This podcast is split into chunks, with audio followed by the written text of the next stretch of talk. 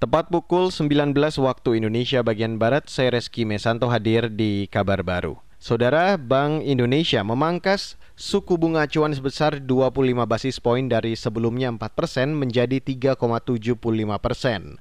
Hal itu disampaikan Gubernur BI Peri Warjio saat membacakan hasil rapat Dewan Gubernur atau RDG Bank Indonesia hari ini.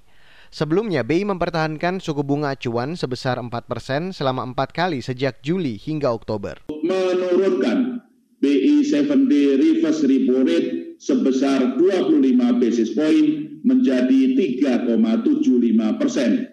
Suku bunga deposit facility juga turun sebesar 25 basis point menjadi 3 persen. Demikian juga suku bunga lending facility turun sebesar 25 basis point menjadi 4,5 persen.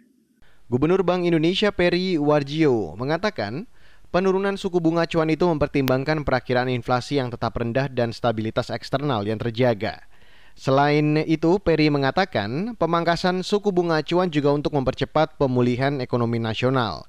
Total sejak November tahun lalu hingga kini, Bank Indonesia menurunkan suku bunga acuan sebesar 125 basis point. Saudara, kepolisian menyita rekaman kamera pengawas atau CCTV yang ada di sekitar lokasi pernikahan Putri Rizik Sihab dan peringatan Maulid Nabi di Petamburan, Jakarta Pusat. Juru bicara Mabes Polri Awi Setiono mengatakan rekaman itu disita untuk dijadikan barang bukti.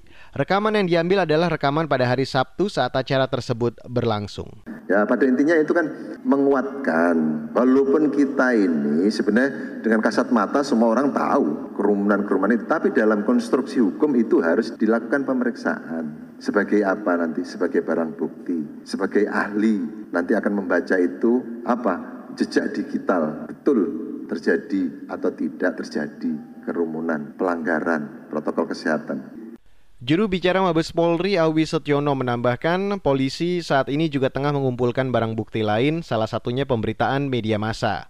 Polda Metro Jaya saat ini tengah mendalami dugaan pelanggaran undang-undang kekarantinaan kesehatan dalam acara yang digelar di markas FPI akhir pekan lalu. Acara itu dihadiri ribuan orang dan dianggap pelanggar aturan.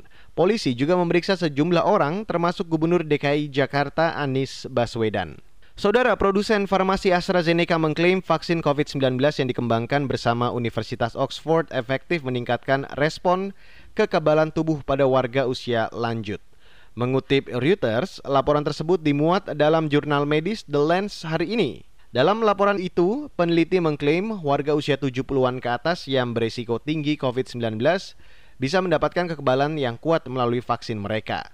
Dan dalam laporan itu, peneliti berharap vaksin yang mereka kembangkan bisa membantu melindungi salah satu kelompok paling rentan, yaitu lansia. Meski begitu, mereka masih menunggu penelitian lebih lanjut pada uji klinis tahap akhir agar mendapatkan data yang lebih lengkap. Demikian kabar baru KBR, saya Reski Mesanto.